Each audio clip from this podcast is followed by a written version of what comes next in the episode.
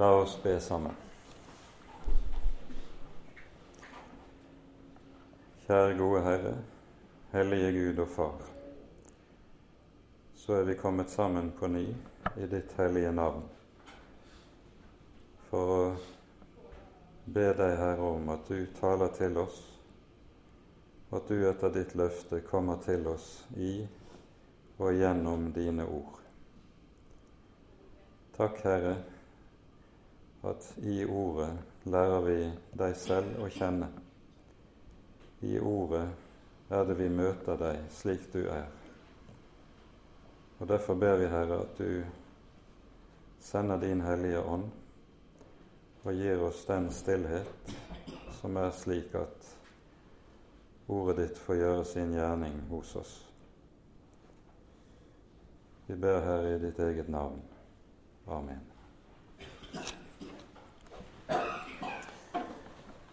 Sist gang var vi altså sammen om innledningen til Andre Mosebok, der vi så litt allment på det som er eh, plasseringen av beretningen om utgangen av Egypt eh, i bibelhistorien, hvor sentral betydning denne fortellingen har i eh, hele den bibelske åpenbaring, da ikke bare i Det gamle testamentet, men også i Det nye testamentet. Spiller det vi hører her i Andre Mosebok, eh, meget stor rolle. Når vi i dag gir oss inn i kapittel 2 og 3, så er det vi da kommer til å møte Han som blir det menneskelige redskap for Gud i forbindelse med utfrielsen av Egypt. Og vi hører i kapittel 2 beretningen om hans fødsel og hvordan han eh, gir seg på flukt fra Egypt. Eh, og så kommer i kapittel 3 selve beretningen om kallet eh, av Moses. Det er jo slik ifølge Dette sies ikke direkte i disse avsnittene i andre Mosebok, men av andre avsnitt i eh, Bibelen så lærer vi at Mose liv kan inndeles i tre perioder hver på 40 år. Han dør når han er 120 år gammel, når Israel står på grensen av det lovede land og skal krysse Jordan, men Moses får ikke komme inn. Da har han tilbrakt de første 40 årene av sitt liv ved faraos hoff de neste 40 årene i ødemarken som gjeter hos svigerfaren eh, Reuel. Og så er de siste 40 årene da sammen med Israels folk som dets leder under utgangen og under ørkenvandringen frem til landet. I Bibelen er det slik at når vi hører fødselsberetningen til sentrale personer, så henger det sammen, og det henger uløselig sammen med disse personenes betydning. Det er slik at fødselsberetningene ofte, like som i et nøtteskall, rommer eh, hele det liv som ligger foran, gjerne symbolsk uttrykt. Og sånn er det på sett og vis også med beretningen om Mose fødsel og første år. Men nå leser vi kapittel to i sammenheng før vi går videre. Det var en mann av Levis ett som gikk bort og tok en Levis datter til ekte. Kvinnen ble med barn og fødte en sønn. Da hun så at han var så fagert et barn, skjulte hun ham i tre måneder. Da hun ikke lenger kunne holde ham skjult, tok hun en kiste av papyrusrør til ham og smurte den over med jordbek og tjære. Så la hun gutten i kisten og satte den i sivet ved elvebredden. Hans søster sto et stykke borte for å se hvordan det gikk med ham. Da kom faraos datter ned til elven for å bade, mens pikene hennes gikk frem og tilbake på elvebredden. Da fikk hun se kisten inne i sivet og sendte sin slavepike for å hente den. Da hun åpnet kisten, fikk hun se barnet, og se, det var en liten gutt som lå der og gråt. Hun kjente medynk med gutten og sa, Det er ett av hebreernes barn. Da sa guttens søster til faraos datter, Skal jeg gå og finne en amme for deg blant de hebraiske kvinnene, så hun kan fostre opp barnet for deg? Faraos datter svarte henne, Ja, gå. Så gikk piken og hentet guttens mor. Faraos datter sa til henne, Ta denne gutten og foster ham opp for meg.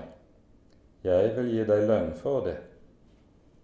Kvinnen tok da gutten og fostret han opp. Og gutten vokste opp, og hun gikk til faros datter med ham, og han ble som en sønn for henne.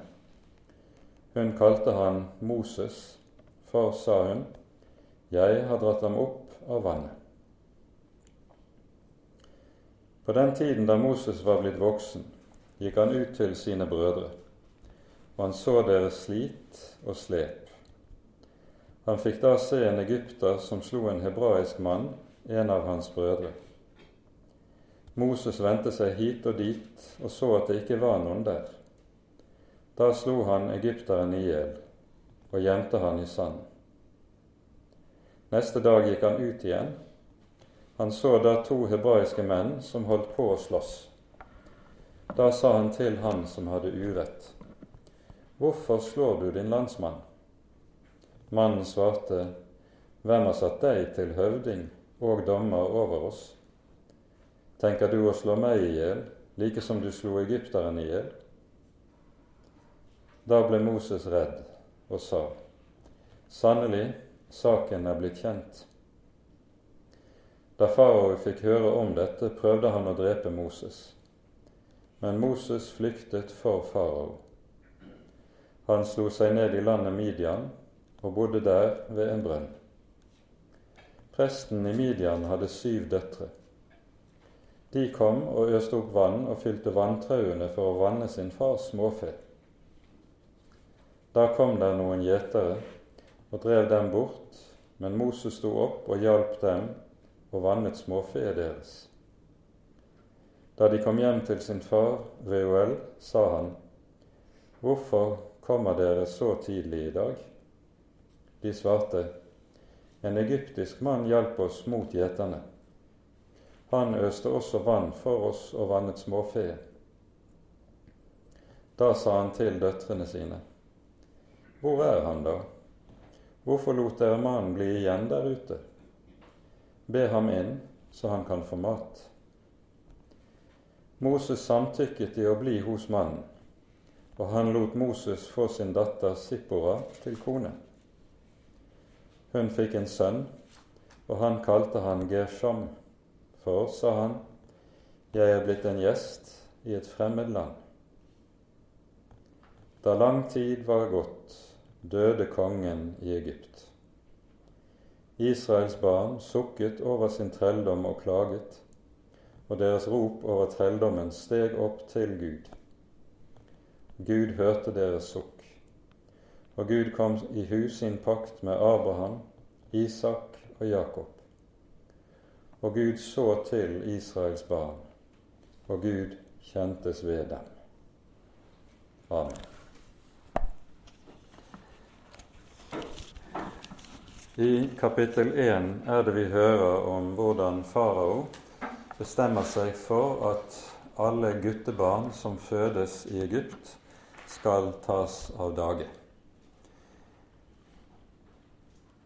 Det er et ledd i dette som nå ligger bak fortellingen vi altså hører om Moses' fødsel, og at foreldrene av frykt setter ham i, eller legger ham i en kiste som de lar flyte mellom sivet på Nilen.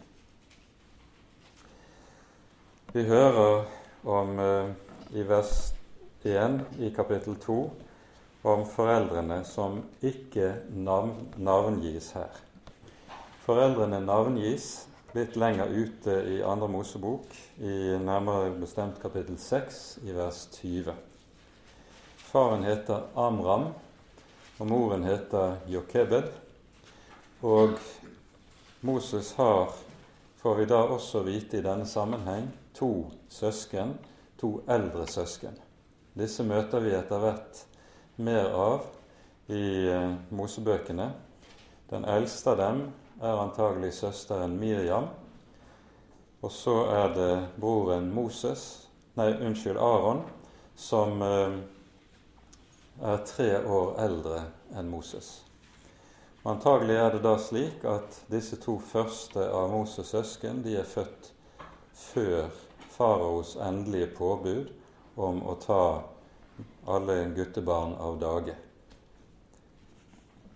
Men nå er altså denne tiden kommet, og vi hører hva foreldrene gjør i sin frykt for hva som kan skje hvis barnet eh, blir værende i huset hos dem.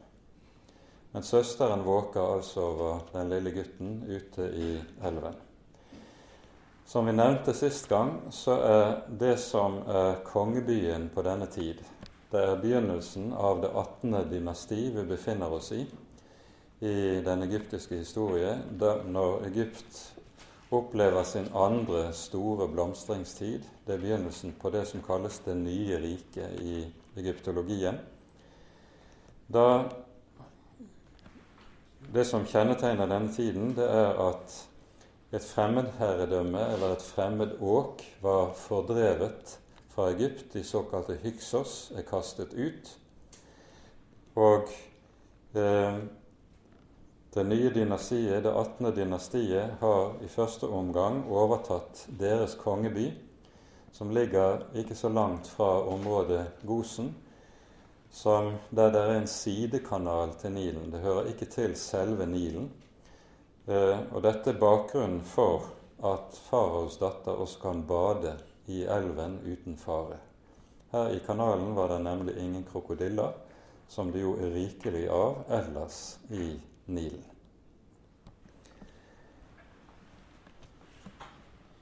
Navnet Moses, som faraos datter gir ham, det har vært mange forsøk på å eh, lese betydningen av eh, dette navnet.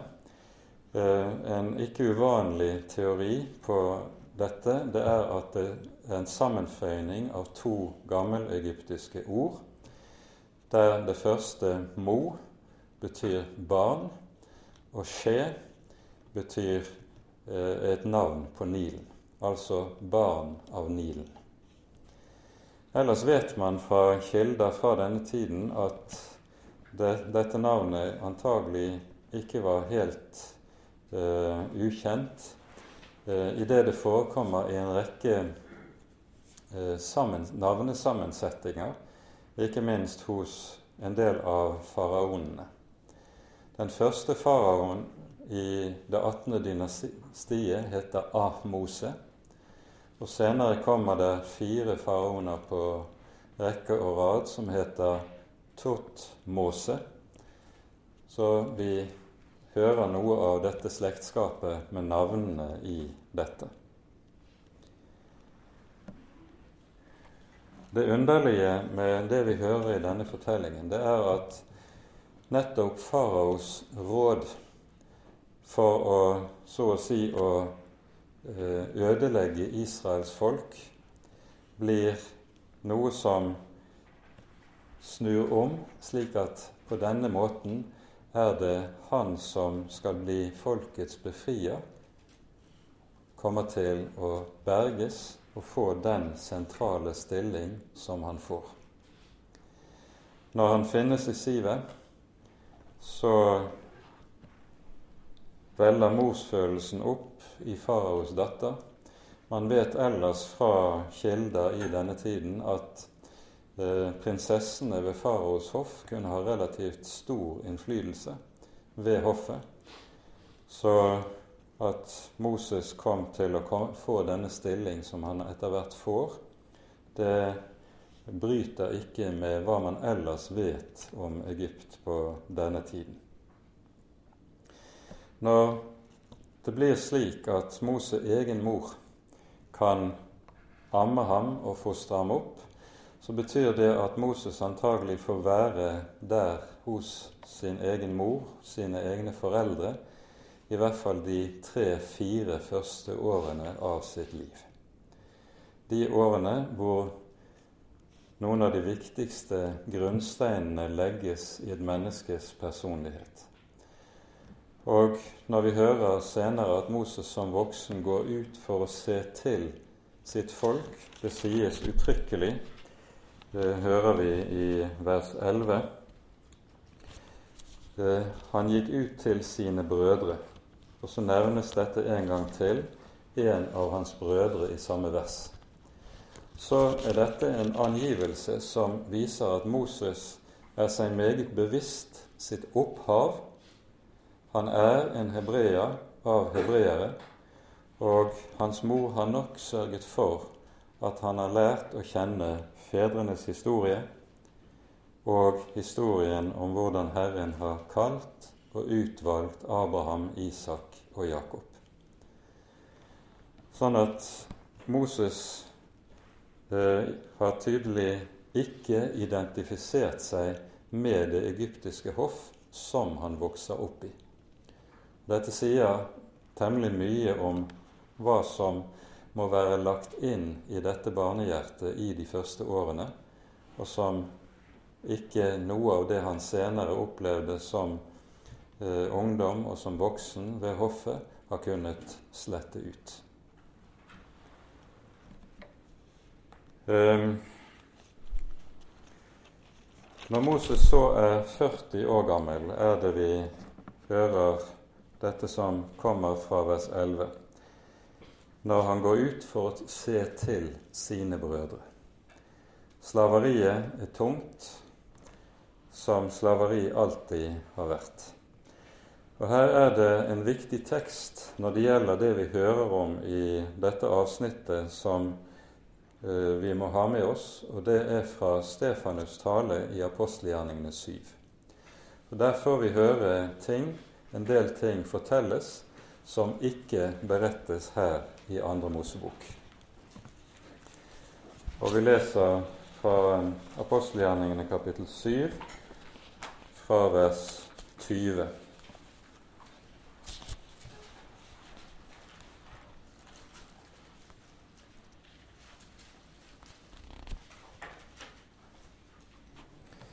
På den tiden ble Moses født.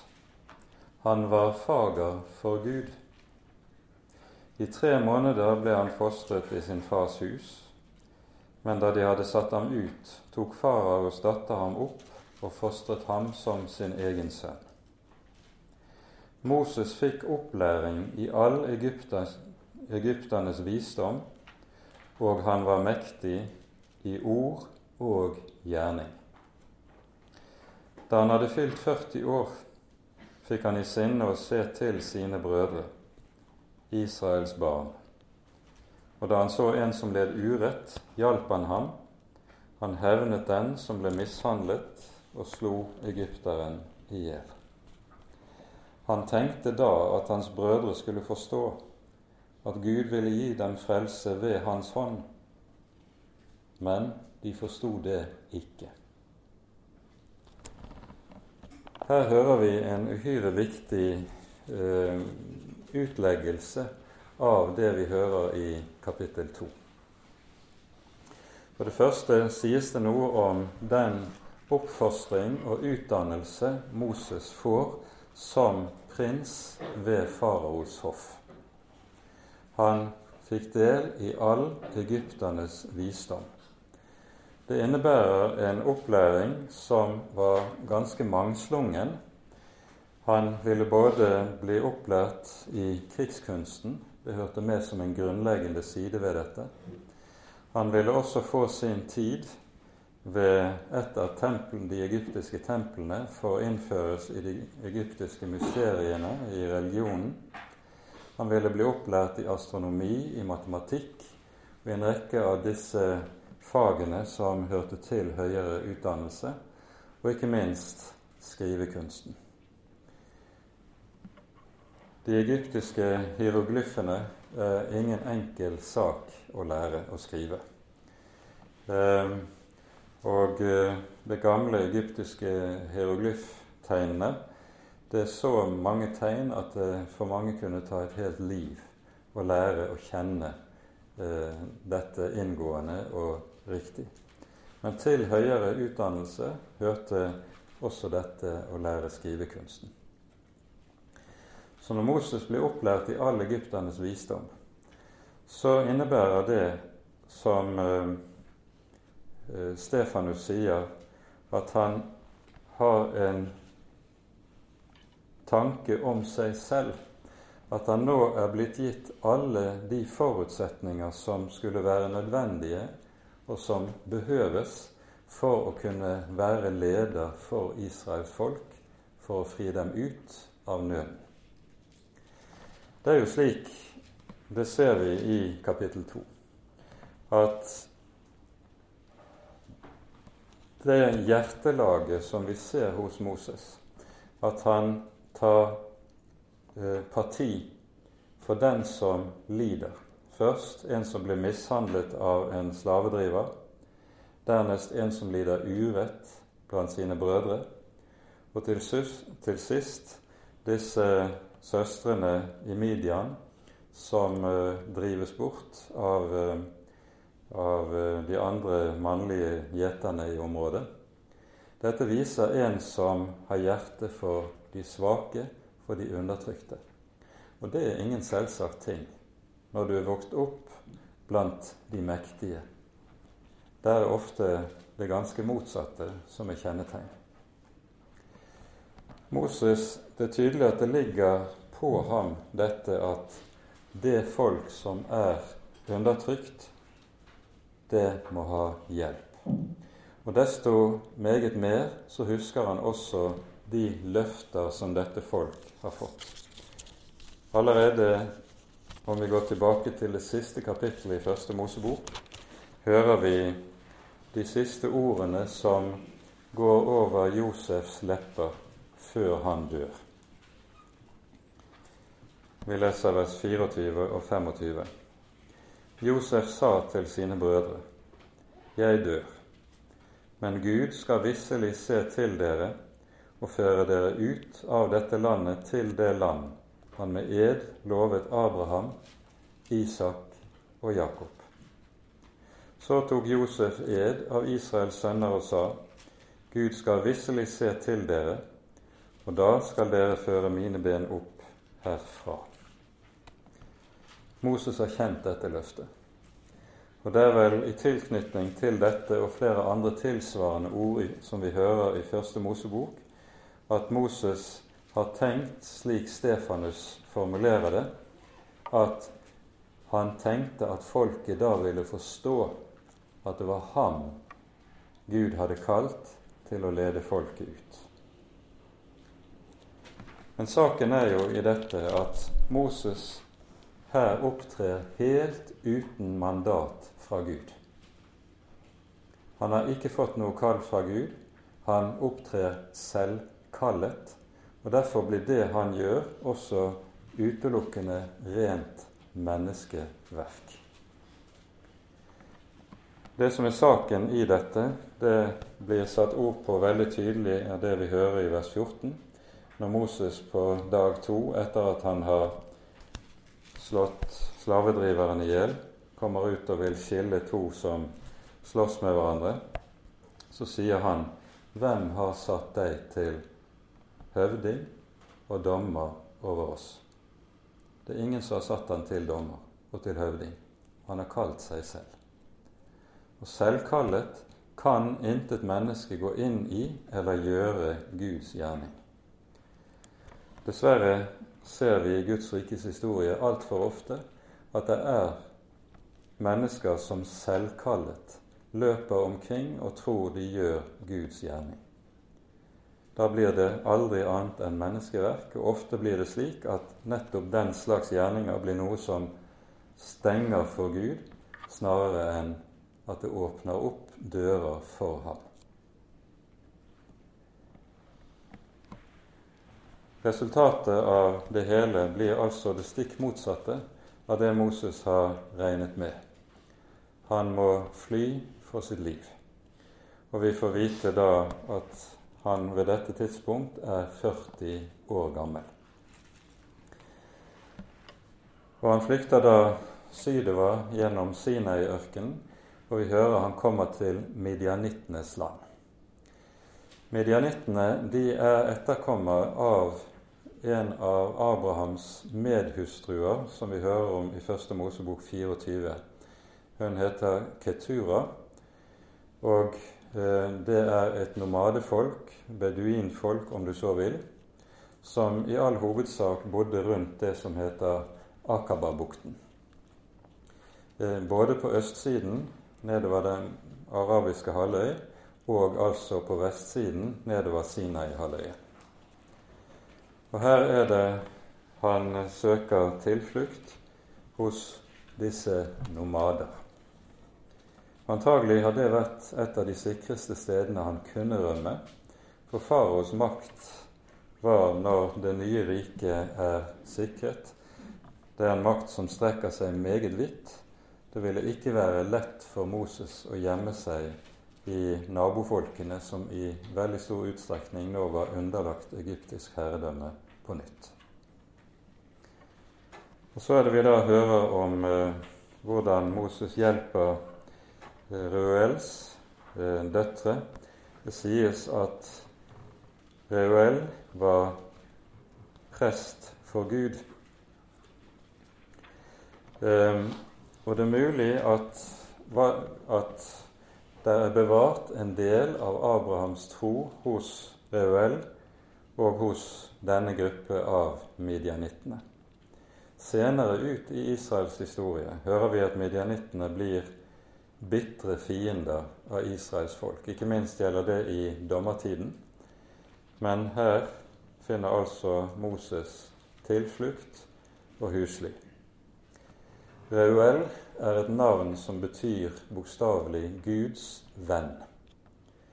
Og navnene er så viktige eh, signaler i Bibelen på hva slags tro og liv der ligger hos de som bærer navnene, at det antagelig sier noe om at her er Abrahams tro gått i av. Hvor klart det er, hvor bevisst det er, det vet vi ikke mye om. Men det ligger der, og vi ser senere når Israel er kommet ut av Egypt eh, og eh, er nådd til Sinai, da kommer Reuel sammen med Moses' hustru og sønner og besøker ham. Eh, vi leser om det i det 18. kapittelet i andre Mosebok. Og da er det tydelig at han deler Israels Guds tro. Reuel kalles også for Jetro, og det er antagelig en tittel som betyr 'den høyverdige'. Som altså en tittel som hører til den, det presteembetet han hadde. Moses forblir der i huset, og han får da en av eh, Reuels syv døtre til hustru. Hun heter Sippora, som betyr en liten fugl. Liten fugl er navnet. Og eh, når hun føder en sønn, så gir Moses ham et navn, Gershom, som er hebraisk og betyr fremmed der.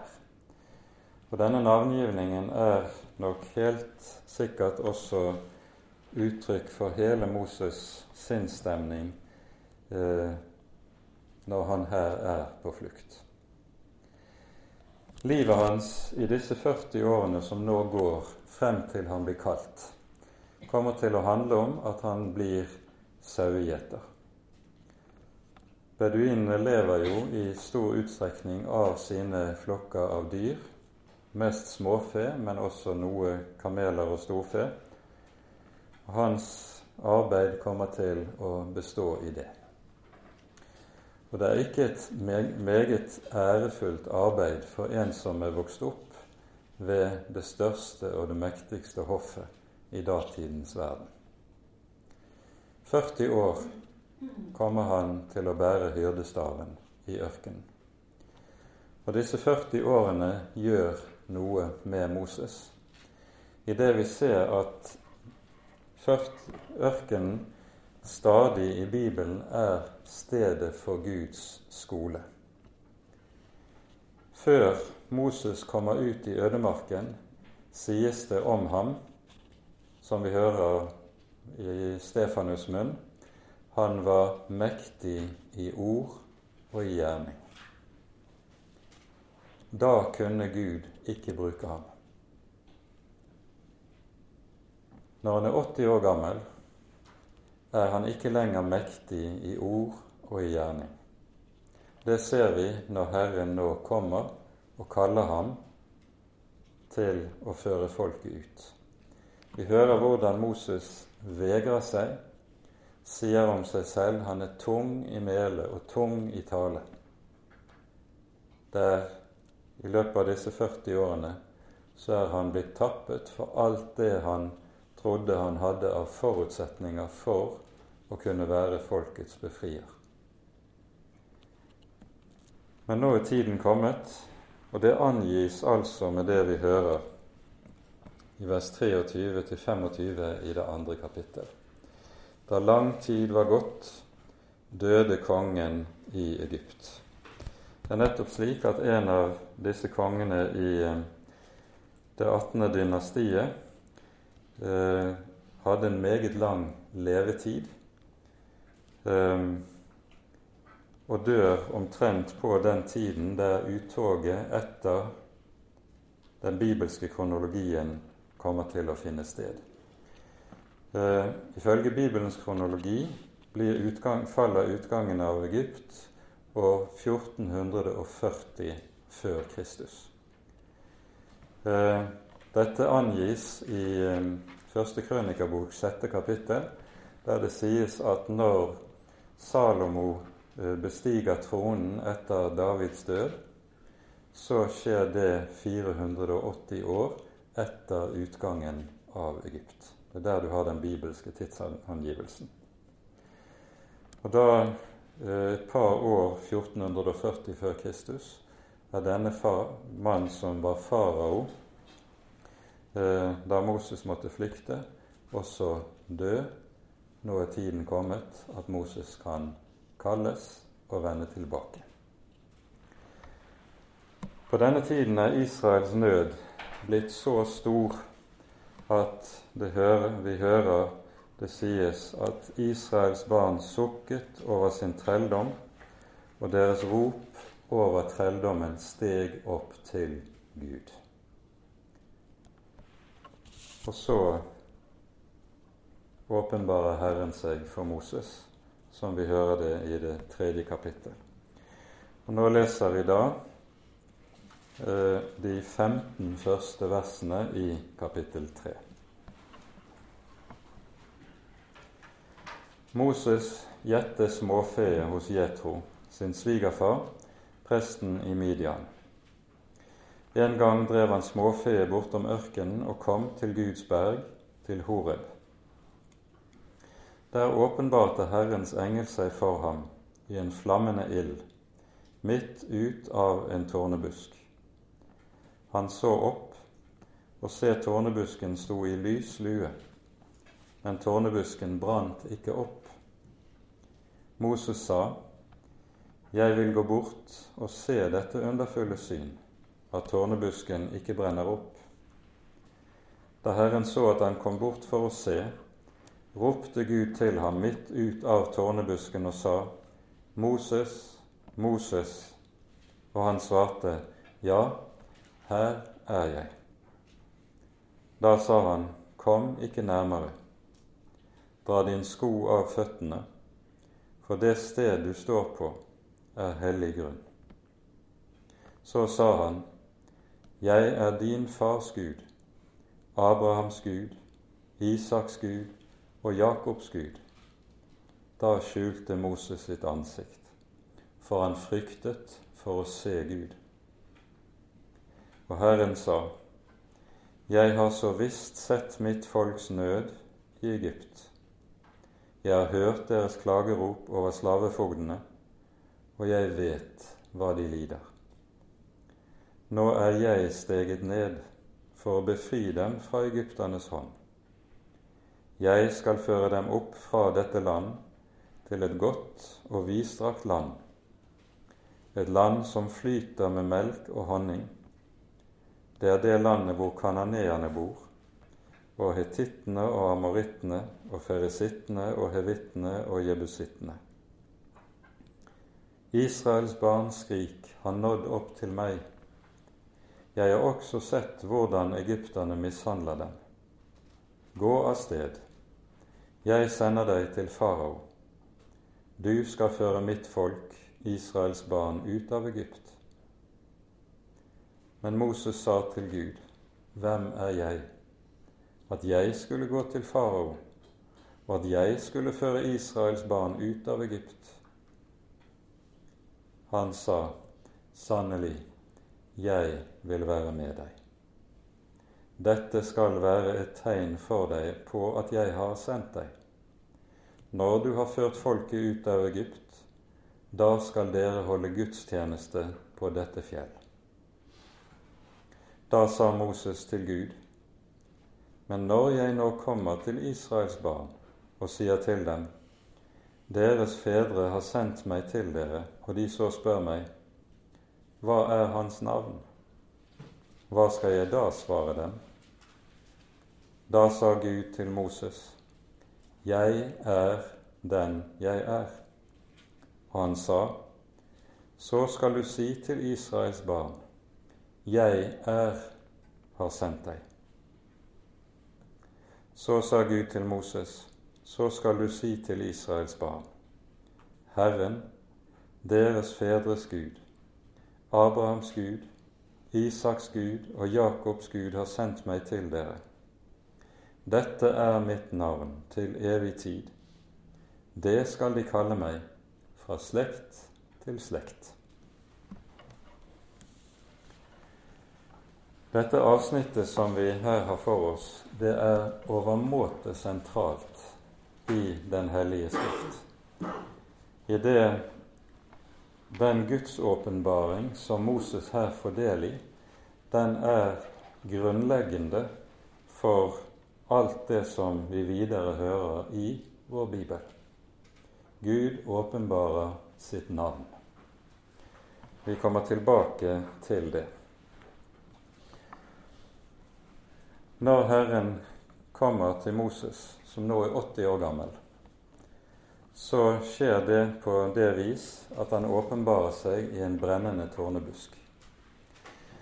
Det er slik i Bibelen at når Gud åpenbarer seg på synlig vis, så er den synlige måten han åpenbarer seg på, det kaster lys over det som sies, og ordene kaster lys over synet.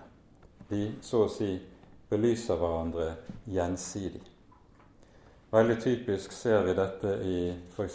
når vi hører om Jakob som ser stigen eh, i drømme i Første Mosebok 28, der det jo er sånn at stigen representerer bindeleddet mellom himmel og jord, det som knytter himmel og jord sammen, mens de ord Jakob får høre, det er ord der den hellige Gud binder seg til ved sitt løfte til en synder som ligger nede i mørket. Stigen er reist, båndet mellom den hellige og synderen gis i ordet og i anskuelig form i stigen. Når Gud åpenbarer seg i en brennende tårnebusk, så gis det, sies det to ting med det.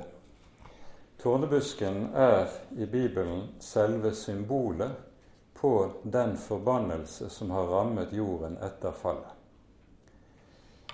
Gud sier til Adam etter syndefallet fordi du gjorde dette, skal jorden være forbannet for din skyld. Tårn og tistel skal den bære deg.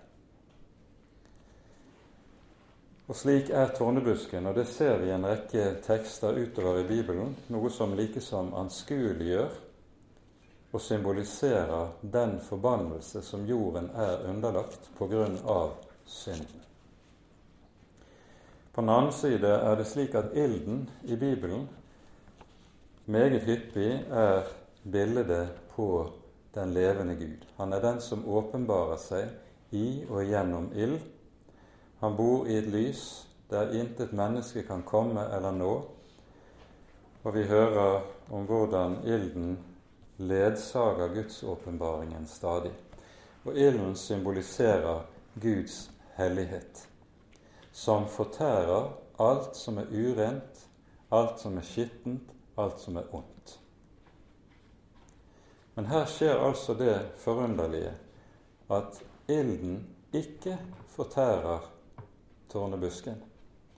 Og med det sier den hellige Gud at han er den hellige, og han vil bo i nåde hos de som er underlagt forbannelsen.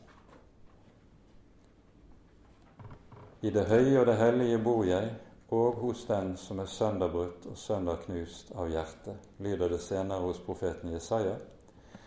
Og det er denne sannhet som likesom anskueliggjøres ved den måten Gud åpenbarer seg på her. Moses har vært gjeter i ørkenen i 40 år. Han kjenner naturen, terrenget, Alt kjenner han inngående. Plutselig står han nå overfor noe han aldri har sett før. Og så Hvor langt på avstand han ser dette skje, det vet vi ikke. Men han sier altså til seg selv Jeg vil gå bort og se dette underfulle syn. Dette store syn, står det i grunnteksten, at tårnebusken ikke brenner opp.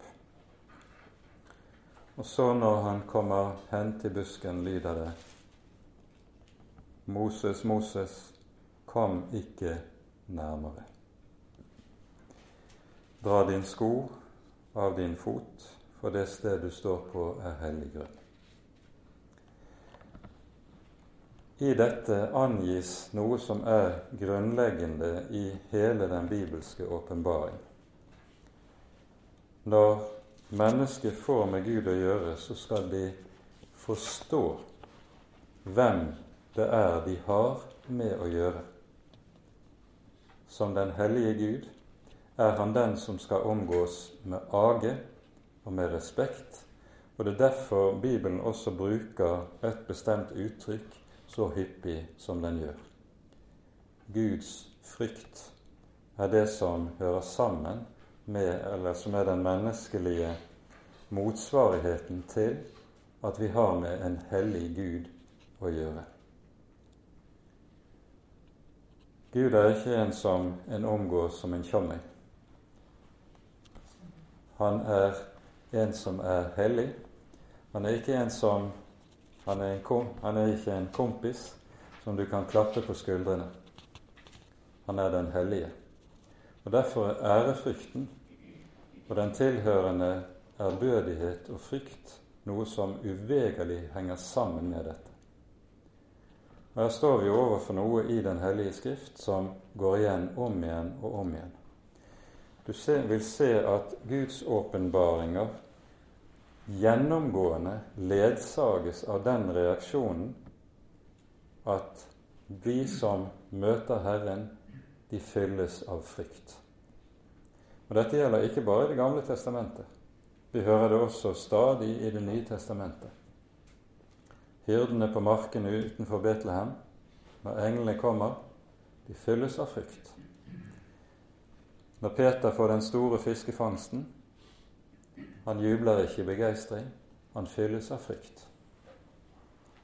Når, og sånn kan du fortsette å regne opp Møtet med den levende Gud avføder alltid denne reaksjonen når han har med Han som er Gud, den virkelige Gud, å gjøre. Det er dette første reaksjon. Og så taler Bibelen altså om Guds frykten som hører med til dette, Og når Herren har sagt hvem han er 'Jeg er din fars Gud', Abrahams Gud, Isaks Gud og Jakobs Gud, da dekker Moses sitt ansikt, for han frykter for å se Gud. Og Når vi hører den, kanskje den høyeste gudsåpenbaringen som senere kommer i andre Mosebok, som vi leser om i 3, slutten av kapittel 33 Moses etter den lange bønnekampen med Herren om at han skal benåde Israel etter fallet med gullkalven, så ber Moses til slutt Han trenger seg liksom nærmere og nærmere inn på Gud og ber til slutt La meg da få se din herlighet. Og får til svar Intet menneske kan se mitt åsyn og leve. Men, sier Herren, still deg her i en, i en uh, rift i klippen, så vil jeg gå forbi deg, og jeg vil dekke over deg med min hånd når jeg går forbi. Og når jeg er gått forbi, vil jeg min, ta min hånd bort, så du kan se meg bakfra. Men mitt åsyn kan ingen se. Herren sørger for nøyaktig det samme som Moses her gjør i ærefrykt.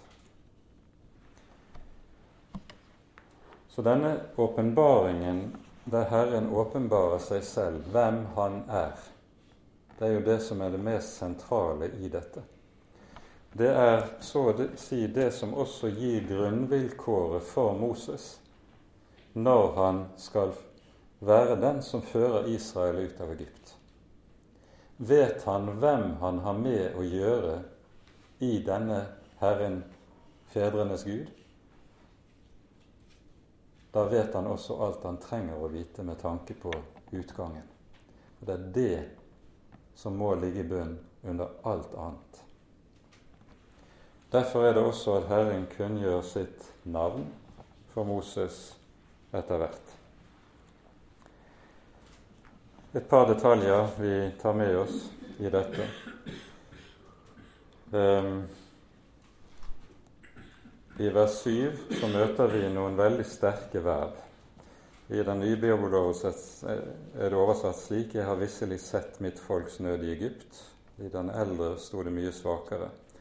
Det brukes et uttrykk som understreker på den aller sterkeste måten noe kan sies på hebraisk. Det sies 'Jeg har seende sett mitt folks nød'. Altså Det sier noe om hvordan Gud, så å si, vi ville si, fokuserer sin konsentrerte oppmerksomhet om det som nå skjer med dette sitt folk. Jeg har seende sett og hørt, og jeg vet hva de lider. Og Så kommer det i vers 8 uttrykket 'Nå er jeg steget ned'. Og Det er et uttrykk som anvendes meget sjelden i Bibelen. Og når det anvendes, så ser vi at det alltid anvendes i forbindelse med noe ganske særskilt som Gud skal gjøre. Så det er viktig å være oppmerksom på akkurat dette uttrykket når det brukes. Nå har jeg steget ned. Og så kommer altså kallet. Gå av sted. Jeg sender deg til farao. Du skal føre mitt folk Israels barn ut av Egypt. Og så kommer Moses' reaksjon. Hvem er jeg? At jeg skulle føre, gå til farao. At jeg skulle føre Israels barn ut av Egypt. Det hadde ikke lydd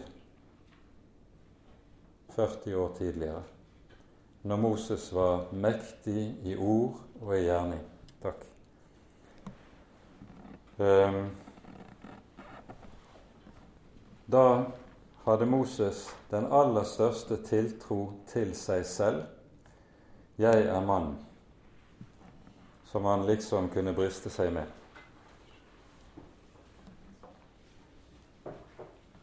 Men nå har han mistet all tiltro til seg selv. Han opplever seg selv som fullstendig ubrukbar overfor det han skal settes til, det kallet Herren vil ha ham inn i. Og denne Mose-opplevelsen av total ubrukbarhet, det kommer igjen ved at han om igjen og om igjen, det leser vi i de følgende, kommer med innvendinger for å slippe unna. Han kan ikke, han mangler alle forutsetninger, og til slutt sier han 'Herre, send en annen'. Da står det 'da opptentes Herrens vrede'. Og så må Moses meget, meget nødtvungent gå. Det som ligger i bunn under dette, det er at det er slik i Bibelen at når mennesker mener om seg selv at de er brukbare for Gud, da kan Gud ikke bruke dem. For da er det mennesker som blir store.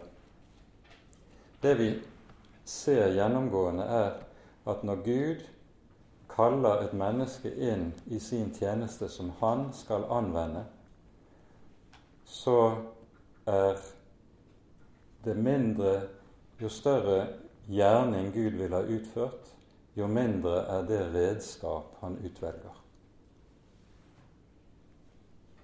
Og dette er og har en bestemt grunn, nemlig det som sies i 2. Korinterbrevs 4. kapittel, der det står vi har denne skatt i leirkar for at den rike kraft skal være av Gud og ikke av mennesker. Det blir da på det vis at menneskene undrer seg hvordan kan noe så stort, noe så forunderlig, skje gjennom så små, så ubetydelige, så svake mennesker som faktisk her finnes for hånd. Og så må mennesker sanne her er det ikke mennesker som handler, men den levende Gud selv. Vi har skatten i leirkar for at det skal vise seg at den rike kraft er av Gud, ikke av mennesker. Og så blir dermed menneskeverk utelukket, og det åpenbares at det er Guds verk, det er Herrens hånd, som kommer til syne. Svaret som Moses får på sin innvending, det er det grunnleggende svaret som alltid Gud kommer i møte med innvendinger fra mennesker. Han sier 'Jeg vil være med deg. Vet man hvem Herren er? Da er det svaret på enhver innvending, på enhver betenkelighet, på enhver vanske menneskene måtte, enn måtte se for seg som måtte ligge foran. Jeg vil være med deg. Så kunngjør Gud til slutt sitt navn. Moses spør når jeg kommer tilbake til Israels barn og sier deres fedres Gud har sendt meg, og de spør hva er hans navn? Hva skal jeg svare dem? Og Det vi nå får åpenbart, det er altså Guds egen navn. Og det er et forunderlig navn. Det er et navn som det ikke er oss gitt å lodde dybden i. Gud sier 'Jeg er den jeg er'. Echje, asher, echje på hebraisk.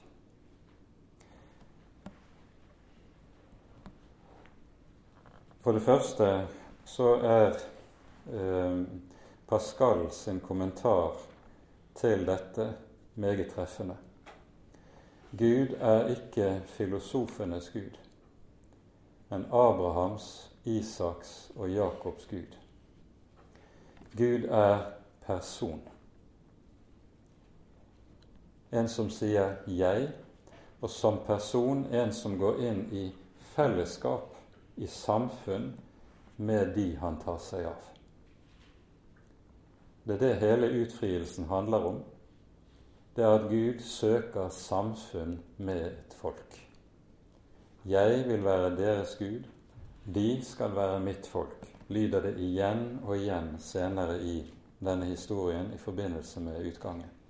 Gud går inn i samfunn. Og samfunn er noe som finnes mellom personer. Gud er person, du og jeg er personvesener. Filosofenes Gud er et eller annet uhåndgripelig langt der ute, uten navn, uten personlighet. Bibelens Gud er ikke slik. Han er en levende person som vi kan leve i samfunn med, og er kalt til å leve i samfunn med. Det er det første. For det andre det som er noe av kjernen i syndefallet, det er at mennesket ikke vil la Gud være den han er. De vil stadig forandre på Gud, gjøre ham til noe annet enn den han er. Men Gud tar overhodet ikke hensyn til hva vi måtte synes. Han er seg selv, for å bruke et slikt uttrykk.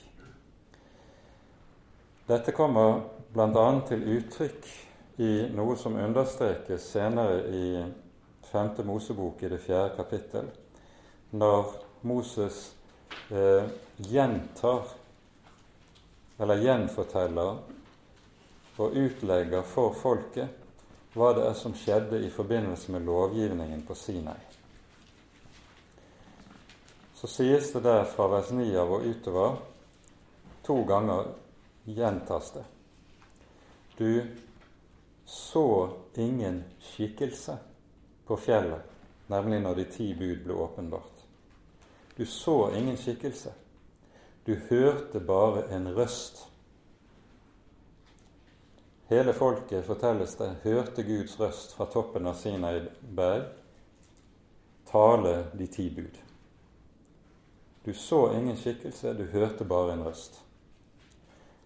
Og så kommer den slutning som de skal dra av det. Derfor, sies det, skal du ta deg vel i vare. Du skal ikke gjøre deg noe bilde, verken av det som er oppe i himmelen, eller det som er på jorden eller under jorden, og du skal ikke tilbe dem, og du skal ikke tjene dem. Det er det gammeltestamentlige billedforbudet som begrunnes i dette 'du så ingen skikkelse'. For der man lager gudebilder, så sier man om guddommen 'Gud er slik som det', på en eller annen måte. Men Gud kan ikke settes i kategori med noe som er skapt. Han er ikke slik som noe som er skapt. Og Derfor sier han 'Jeg er den jeg er. Jeg er ikke som det og det i den skapte verden. Og Dette henger sammen med noe annet som også er ganske så grunnleggende, men kanskje vanskelig å gripe og begripe for oss, nemlig at Gud er én. Det er jo Israels trosbekjennelse, som lyder i 5. Mosebok 6. Hør, Israel, Herren vår Gud, Herren er én. Og Med det sies det noe som vi har vanskelig for å forstå rekkevidden. Og med dette understrekes det ikke bare at Bibelens religion er monoteistisk. Ja, den er jo det. Men det sies noe ganske annet og mer. Vi forstår det hvis vi tenker på at alt det vi kjenner ifra vår virkelighet, det kjenner vi fordi det forekommer i form av eh, artsbegreper. Du vet hva et menneske er, for du har sett mange, du har sett utallige mennesker, og derfor vet du hva et menneske er. Du vet hva en bok er. Du har sett utallige bøker. Bøker kan være meget forskjellige. Men enten boken er liten eller stor, om den er grønn eller rød, om den har blå bokstaver eller sorte bokstaver. Du vet allikevel det er en bok. Du kjenner artsbegrepet. Sånn at du ser det ene etter det andre står ved siden av hverandre i den skapte virkelighet, og så vet du sånn er det i den skapte verden. Men om Gud sies det han er én. Det er intet artsbegrep som du derfor kan se sammenligne med lignende utgaver av den samme typen. Gud er én. Og han kan ikke settes på linje med, sammenlignes med eller settes i kategori med noe som helst som er skapt. Han er én og sier derfor om seg selv 'Jeg er den jeg er'.